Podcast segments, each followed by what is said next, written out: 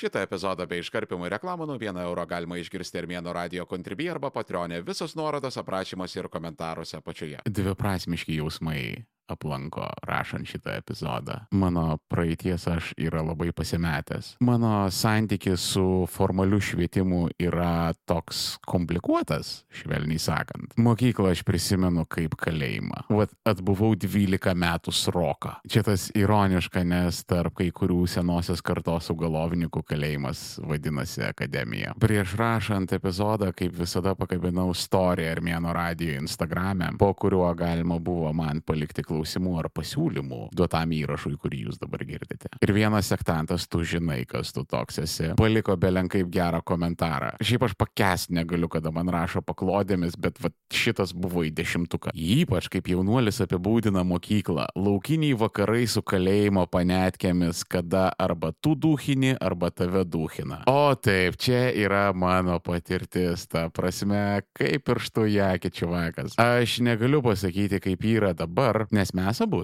aš ir tas klausytojas, esam jau viena koja bumerystėje. Man 37, jam 34. Aš, aš tikiuosi, kad aš nepažeidinėjau čia kažkokiu būdaru. Tai jam yra 34. Mes esam daug maž panašios kartos. Ir atitinkamai mūsų mokyklų patirtis yra panašios, bet aš kažkaip galvoju, kad nedaug kas turėjo pasikeisti. Aš bendraudamas su jaunikaičiais, tokiais sub 20 somethingais, aš girdžiu, kad generaliai smurto yra, ne tai kad mažiau, ne tas žodis, uh, mažiau smurtingas tas smurtas. Nebe taip štyrina vienas kitą, iš grandinių beisbolo lasdų nesidaužo. Čia totali 90s ir ankstyvų Y2K mokyklos kasdienybė, by the way. Bet man toks įspūdis susidaro, kad uh, moderniose mokyklose smurtas pakeitė formą, jis tiesiog tapo subtilesnis. Ten daug uh, naujų įvairių mobbingo rušių, cyberbullyinimas, ta prasme, naujas drasus pasaulis. Ir jaunuoliams yra, ta prasme, paklausykit manęs, boomeriai, čia yra problema. Jaunuoliams, vat, besikalbant su jais, aš, aš supratau, kad um, jie tiesiog negali padėti telefono į šalį ar, arba uždaryti laptopą. Ta prasme, jiems tai yra ne opcija. Vat internete man kažką pasako kažkoks random dėl Patinka keiksmažodžiai? Prenumeruok Armėnas Plus tik už 1 eurą į mėnesį Armėno radio kontribį arba patreonį ir klausyk epizodų be reklamų ir iškarpimo visus nuorodas aprašymuose ir komentaruose apačioje. Ir visiškai nulis parkės. Zero. Ok, su mano, pavadinkim, viešąją veiklą man susiformavo tokia nežmoniška informacinė tolerancija. Ir aš tiesiog matau komentarą ir man iš karto, cink, tu esi žmogus, tu esi lievas, hui labai tikėtina, apgailėtina gyvenimą gyvenantis žmogus. Ir lygiai kaip man giliai pat ką galvoja apie mane mano rajono chrepai, man tavo nuomonė mažiausiai rūpi random žmogaus iš interneto. Tai vad aš tai galiu, tai aš moku ir aš vad kalbuosi apie tai su paaugliais ir jie į tai žiūri kaip į superpower. Vad boomeriai tam, kad jūs suprastumėt, tai įsivaizduokit prie jūsų prieina žmogus ir pradeda levituot ir sako, tu irgi tą patį gali daryti. Ir tu jam kaip, o jisai tau, tai tu tiesiog imk ir levituok. Tai va čia taip daugeliu vaikų skamba, tu ignoruok interneto komentarus. Tai žodžiu, tas smurtas jau nebėra toks žiaurus, nebėra toksai fizinis, jo galbūt nebėra taip daug, bet tu nuo jo negali pabėgti. Tai aš nežinau, ką aš rinkčiausi, jeigu man reikėtų kartoti mokyklą iš naujo. Mūsų laikais, kai gavai į galvą, tai žinodavai už ką. Už tai, kad buvai ryžas, ačkarikas arba storas. Čia tas pats komentarą po storio parašęs klausytojas man priminė, kad senais laikais nešiot akinius čia buvo pagrindas būti duhinamam ir labai rimtai. Ačkarek v žopė šarek. Ta prasme, Vsio, tu tiesiog atėjai su akiniais į darželį ir į mokyklą ir viskas tau negyvenimas. Ta prasme, tavo, jeigu oda buvo čiučiu tamsesnė, tai, nu, tiesiog, nu, bičias tiesiog daugiau įdega saulėje. Vsio, šulioj tavo pravardė yra N-vardas. Man to pavyko išvengti, nes nepaisant savo rusvos kilmės, aš esu vampyras, basically. Aš tiesioginėje saulėje virstu į ugnies stulpą. Pusvalandis BSPF tiesioginėje saulėje ir viskas, aš tiesiog atsiduriu nudegimų skyriuje. Man reikalingos odos persodinimas ir visa kita. Ir kas svarbiausia, aš žostkai sudegu ir po to nusilupu ir taip vos vos švelniai paruduoju. Dabar, mano kūnas tiesiog atmeta melaniną, jis jo nekenčia. Tai ne, nepaisant kilmės, aš nebuvau N-vardas, aš buvau storas, nes visas duhinimas tenais vykdavo pagal pirminius cheminius požymius. Ir aš pamenu save, pamenu savo vat, visos millennialsų kartos patirtis ir mes visi iš mokyklų išėjom su PTSD. Tokie kontūzyti, kaip tarsi išgyvenę tokį rostką arthausinį europietišką siaubo filmą. Žinot, vieną iš tų tokių su siužetais, kur tu žiūri ir galvoji apie scenaristą, kad, bl... kas tau yra negerai, Tu kaip tai sugalvojai ir dar į scenarijų parašiai? Žinot, e, viena iš tokių, kur Larsas von Trieras pasakytų, seniai, tu, tu žoskas. Nei vienas millennialsas man komentaruose neleis sumeluoti pasakyti, kad jo. Jo, čia, jo, čia apie mane. Net moksliukai nekentė mokyklos ir man atrodo, jie nekentė jos labiausiai. Dėl to, kad už gerus pažymius buvo priimta ypatingai duhinti. Ypač bernus, jeigu tu buvai berniukas, straight A student, viso, tau reikės ilgų, ilgų metų psichoterapijos. Ir žinot, patirti bulinimą yra viena, bet dauguma mūsų mes buvom tas didysis vidurinysis sluoksnis. Dėl to vieni bulindavo mus, o mes bulindavome kitus. Ir jeigu tarp klausytojų yra tų, kuriems aš tai esu padaręs, aš labai, labai atsiprašau. Kai kurie mano padaryti dalykai su manim nueis į kapus. Kartais vidury nakties iš miego tas cringe jausmas pažadina. Kai galvoji, kad tai iš manęs išėjo. Tai buvo manyje kažkur, bet va tai yra blogiau. Nepatirti smurtą, o smurtauti pačiam ir suvokti, kad tas pradas, tas pradas, kuris sėdi mano būlintuojose, kurių aš negendžiu visą širdimi, tai yra ir manyje. Jau pakankamai ankstyvame amžiuje susiduri su savo asmenybės šešėlio. Tos tamsios, pavojingos dalys, kurios yra pas mus visus. Tas gaivalas, kur žinai, kad jeigu tu jį paleisi, ne.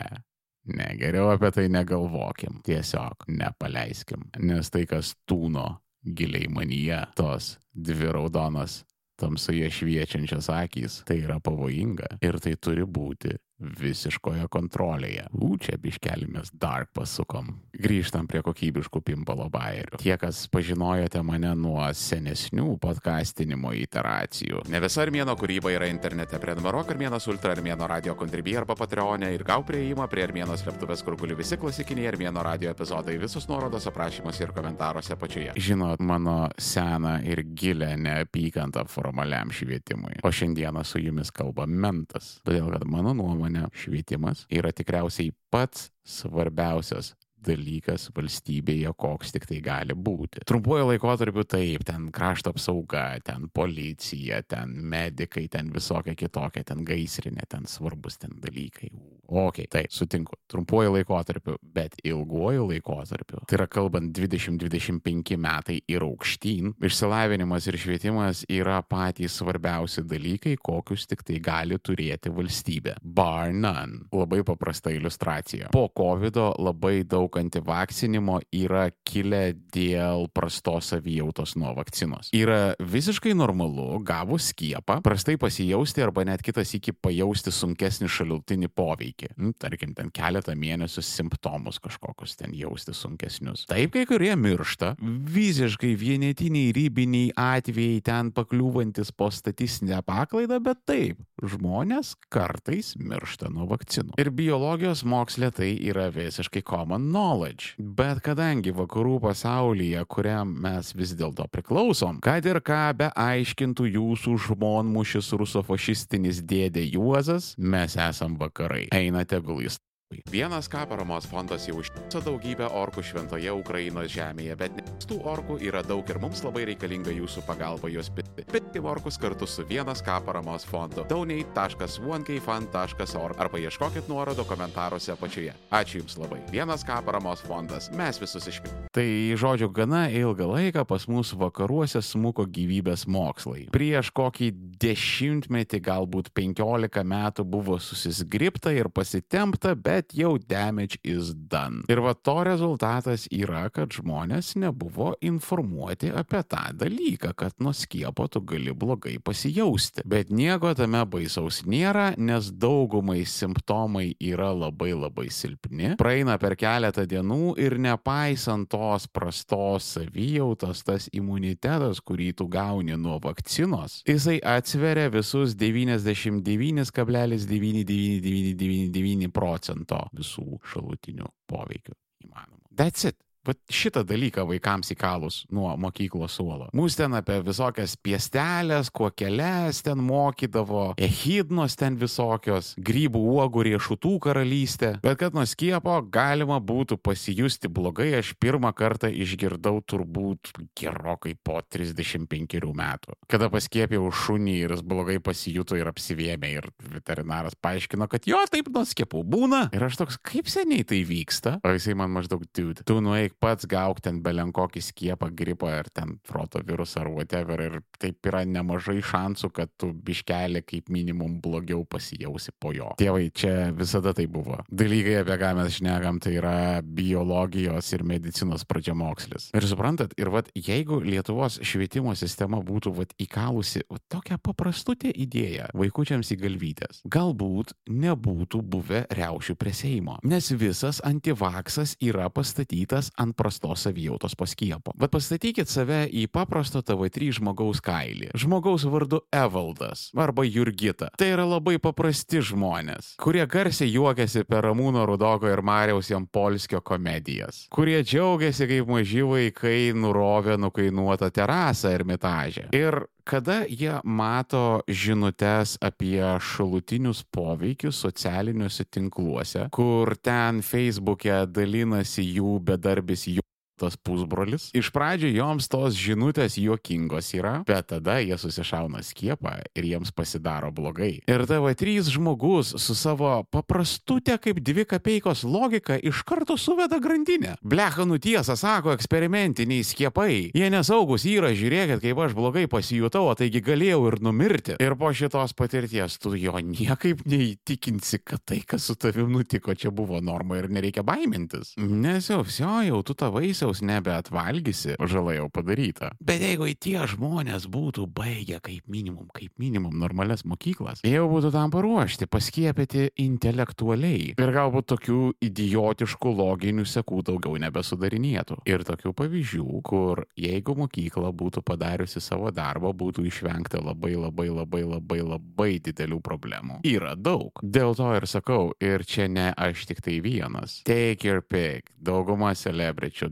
dauguma politikų, dauguma ekonomistų, dauguma akademikų, dauguma tik tai nori. Su manim sutinka, kad išsilavinimas yra turbūt vienas iš didžiausių prioritetų, koks tik tai gali būti valstybėje. Ir jeigu dauguma sako, vadinasi tiesa, nes taip veikia pasaulis. O tu į tave žiūriu, kuris galvoja kitaip, tu nesi prieš srovę plaukiantis maištininkas, tu esi tiesiog dalbas. Ir čia, by the way, yra pagrindinė švietimo sistemos funkcija - mažinti darbo kiekį valstybėje. Dėl to tai yra belenkaip gerai atsiperkanti investicija, nes kuo mažiau darbo šalyje, tuo geresnė valstybė. Čia kažkaip nunešė mane į tolimus horizontus, pradėjau kalbėti apie sovietinę švietimo sistemą, apie rusišką švietimo sistemą, ką tai turi bendro su karu Ukrainoje. Bet nežinau, kažkaip nesipaišo man į tą visą bendrą epizodo flow, aš jį tokį noriu tight padaryti, tikslų ir koncentruotą. Bet kažkaip gaila išmes, nes visai neblogai gavosi, dėl to viską sudėjau į Armėnas Pro.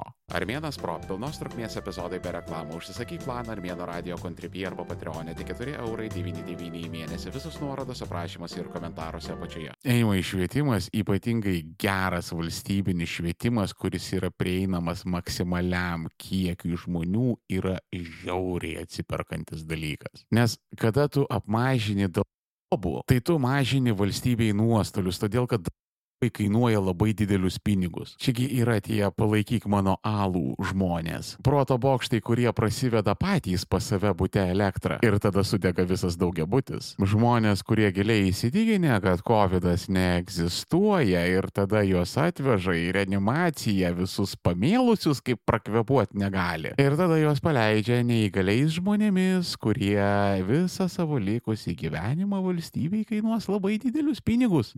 Labai yra labai didelė prabanga berniukai mergaitės ir nebinarinės asmenybės. Tai yra nuolatinės nesibaigiančios išlaidos, kurios gulasi mums, mokesčių mokėtojams ant pečių. Ir sutaupytas pinigas yra uždirbtas pinigas. Ir aš nesuprantu, kodėl niekas neapsijama tų dalykų taip paprastai paaiškinti. Nes jeigu jau ten kalbama apie švietimą, nu tai jau į tą dalyką reikia kažkaip ezoteriškai pasižiūrėti. O mes turim, supranta, dėkti vertybės, kurti pridėtinę vertę, eikit jūs visi.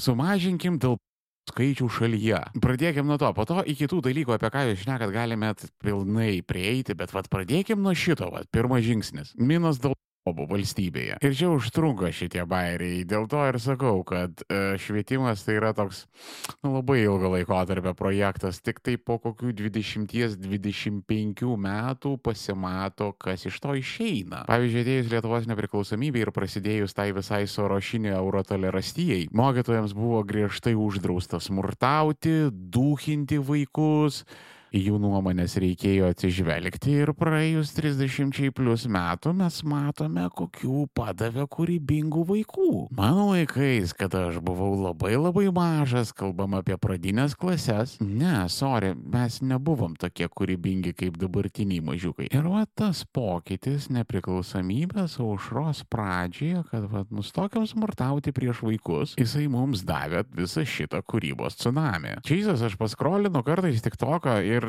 taip mes jį peikiam, taip mes iš jo šaipomės, taip mes ten sakom, kad rajono šmarą ten renkasi. Bet tuo pat metu ten yra žiauriai daug, žiauriai gabių vaikų. Kur kitą kartą pasižiūri ir matai, kad jo tokie su aštriais kampais dar turės apsišlifuoti, dar turės praeiti laiko, bet iš to kažkas bus. Ir bus kažkas rimto. Ir boomeriai iš karto nepulkit smerkti kad kas iš to jūsų tik toko ir tos kūrybos, nes bairiai baigėsi tą pačią akimirką, kada pas mus išauga vietinis Mr. Beast, kuris ir savo kontento pradeda kelti nesuskaičiuojamus milijonus ir nuo jų mokėti mokesčius į Lietuvos biudžetą. Švietimas, by the way, yra ir sportas ir aš vis dar manau, kad krepšinis yra šūdas. Ir aš nesu vyras, nes negeriu degtinės ir nežiūriu sporto. Bet nenuneiksiu to fakto, kad koksai nors išugdytas sabonis at atneša nesuskaičiuojamai daug vertės Lietuvai, nes tas sportas susilaukia dėmesio, o dėmesys gali būti monetizuotas. O sutinkat ar ne, baltarankiai inteligentai, sportas yra švietimas. Lygiai toksai pats kaip fizika, matematika ar biologija. Ir suprantat, tų tokių pavyzdžių daug. Pasaulinio lygio muzikantai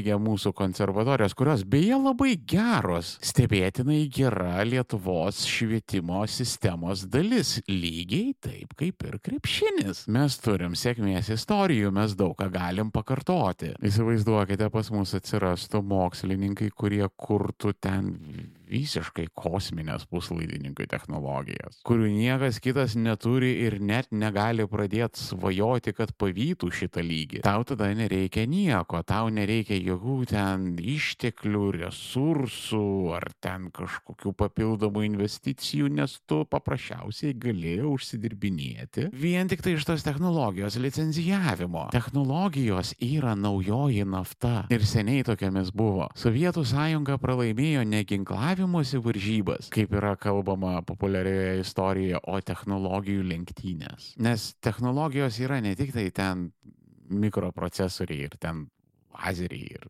ten Teslas. Technologijos yra ir kombainas, kuris nurenka derlių. Technologijos yra ir vadybos metodai, kurie padaro taip, kad tas derlius kaip įmanoma greičiau ir pigiau atsidurtų ant galutinio vartotojo stalo. Bet čia mes biškelį per smarkiai įsisiubavam. Išmokime pradžioje šliaužti prieš galvodami apie skraidyti. Pradžioje tiesiog susitvarkykime mokyklas. Padarykim gerą kokybišką vidurinį išsilavinimą valstybinį, nemokamą ir prieinamą visiems. Čia vat sėdi ir žmonės kalba ten Skandinavijos stebuklas, Singapūro stebuklas, Taivano stebuklas. Visų tų dalykų pradžioje stovi labai esminės švietimo sistemos pertvarkos. Ir pavyzdžiui, Singapūro ir Taivano atveju mes kalbame apie valstybės, kurios taip lait 70s, early 80s buvo žiauriai atsilikusios, jos gyveno dar vargingiau negu sovietinė Lietuva, norit tikėkit, norit ne. Abiejose viskas prasidėjo nuo labai gerų mokyklų. Tas pats ir Pietų Korejoje, tas pats ir Japonijoje, Kinijoje tas procesas vyksta kurį laiką, tas duoda rezultatų, taip jų technologijos atsilieka nuo vakarų, bet jie jas turi. Prasme, akivaizdus, akis badantis, labai aiškus realūs empiriniai pavyzdžiai, kaip švietimas atsiperka. Ir viskas kaip visada prasideda nuo pradžių, kas yra vidurinės mokyklos. Į pirmą klasę aš jau 92 metais. Kaip rodo mano perklausų statistika, daugelis jūsų net gimę nebuvot. Kai kurių iš jūsų tėvai buvo tik ką gimę. Ir va, nuo tada aš girdžiu apie švietimo reformas. Ir tai nenurimsta lygi šiol. Dabar man toks jausmas, kad į metus įvyksta kokios trys švietimo reformos. Reformuoja reformuoja tą švietimą. Nesvarbu, kokios valdžios ten ateina, socdemai, konservatoriai, kokie nors šauna ten populistai, ten nežinau, darbo partija,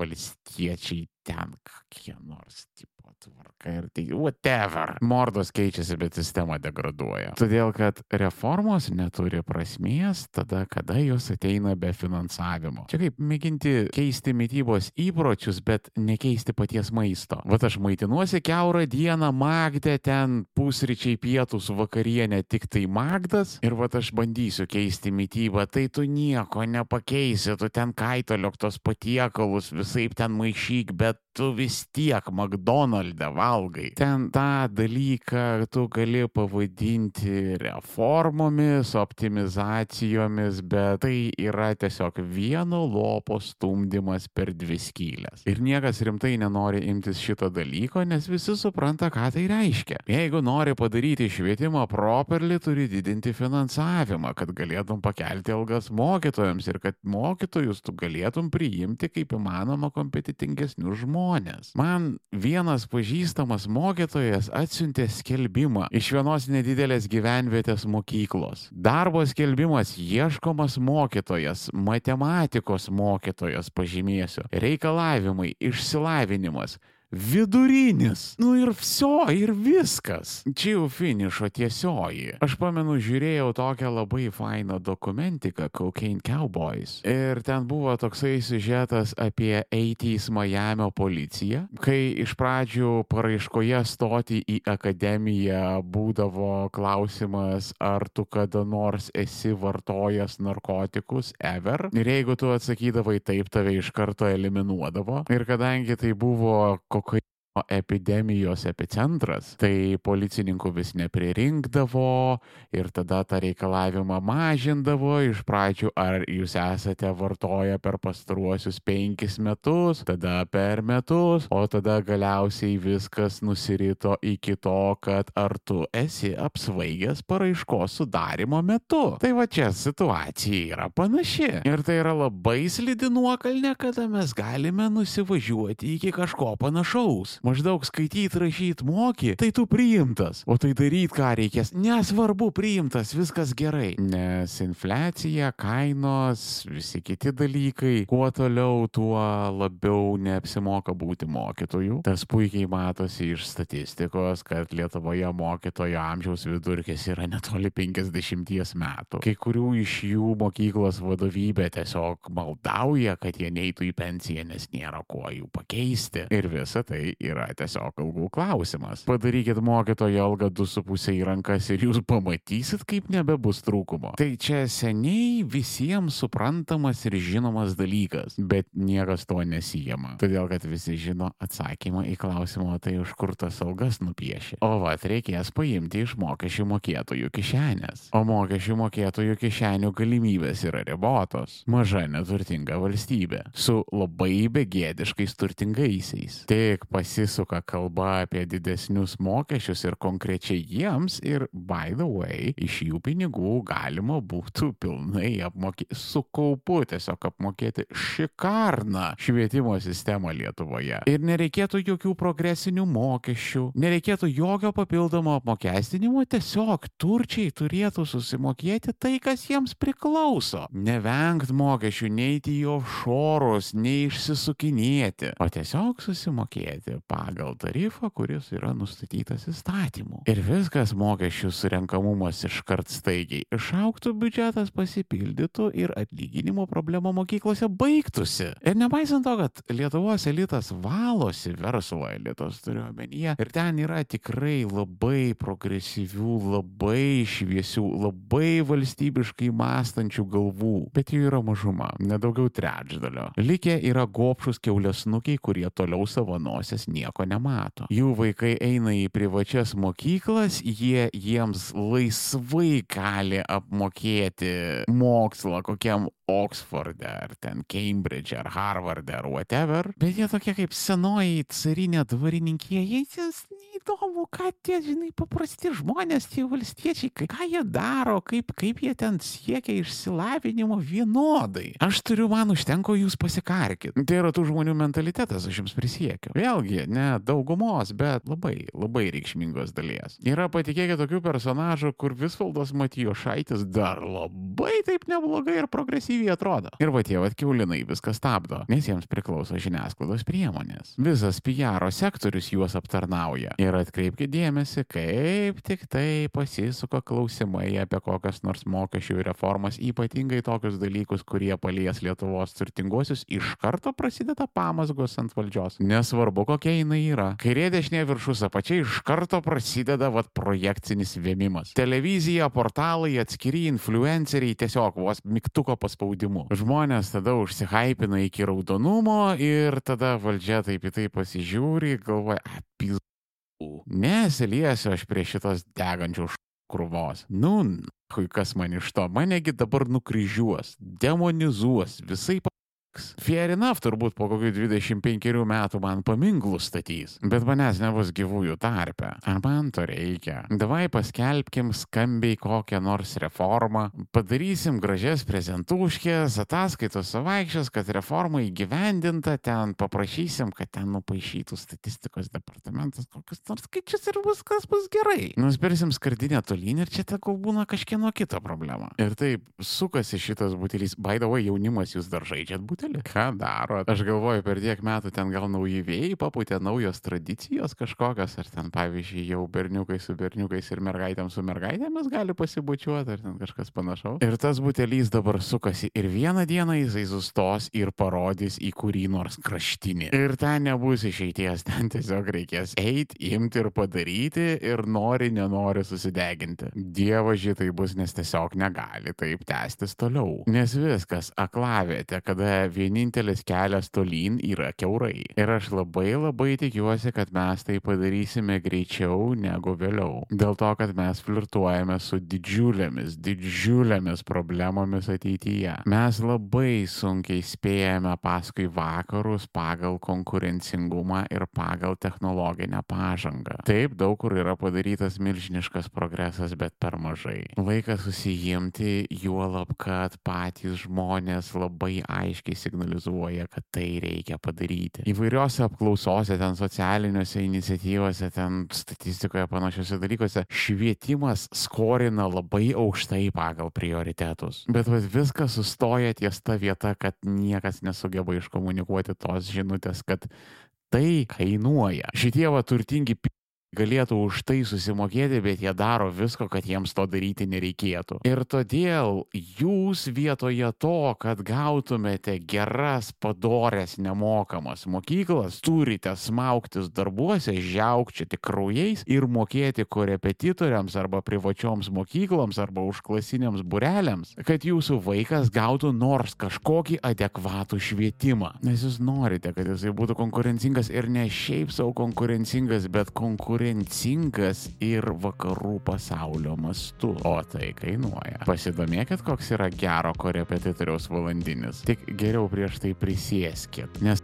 Linsit, ką išgirsit. Bet Lietuva yra nedidelė valstybė su nykstančia demografija ir mūsų turčiai pilnai galėtų tai apmokėti. Dar sikelį. Ramiai, tvarkingai, švariai ir legaliai susimokėjus visus mokesčius, kurie jam priklauso šiai dienai. Jiems tai irgi apsimokėtų, nes tie visi glušiai, kurie iškrenta iš dabartinės švietimo sistemos, po to eina dirbti pas juos, kur daro daug žalos ir kainuoja verslams pinigus. Žodžiu, kaip besisukiosiu, atsiriamėm į tą pačią problemą. Ir arba mes ją išspręsim, arba jinai mus išspręs pačius. Kitos išeities paprasčiausiai nebėra. O kitą kartą tokia tema, dėl kurios aš labai gykautinu. Aš esu baisus nacizmo tyrinėtojas ir aš turiu jums papasakoti dalykų apie tai. Ką nacijai dirba visą dieną.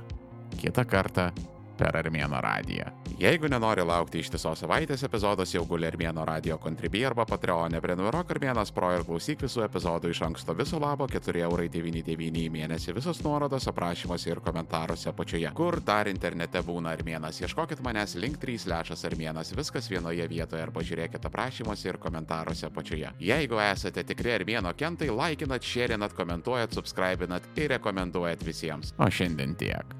Iki kito.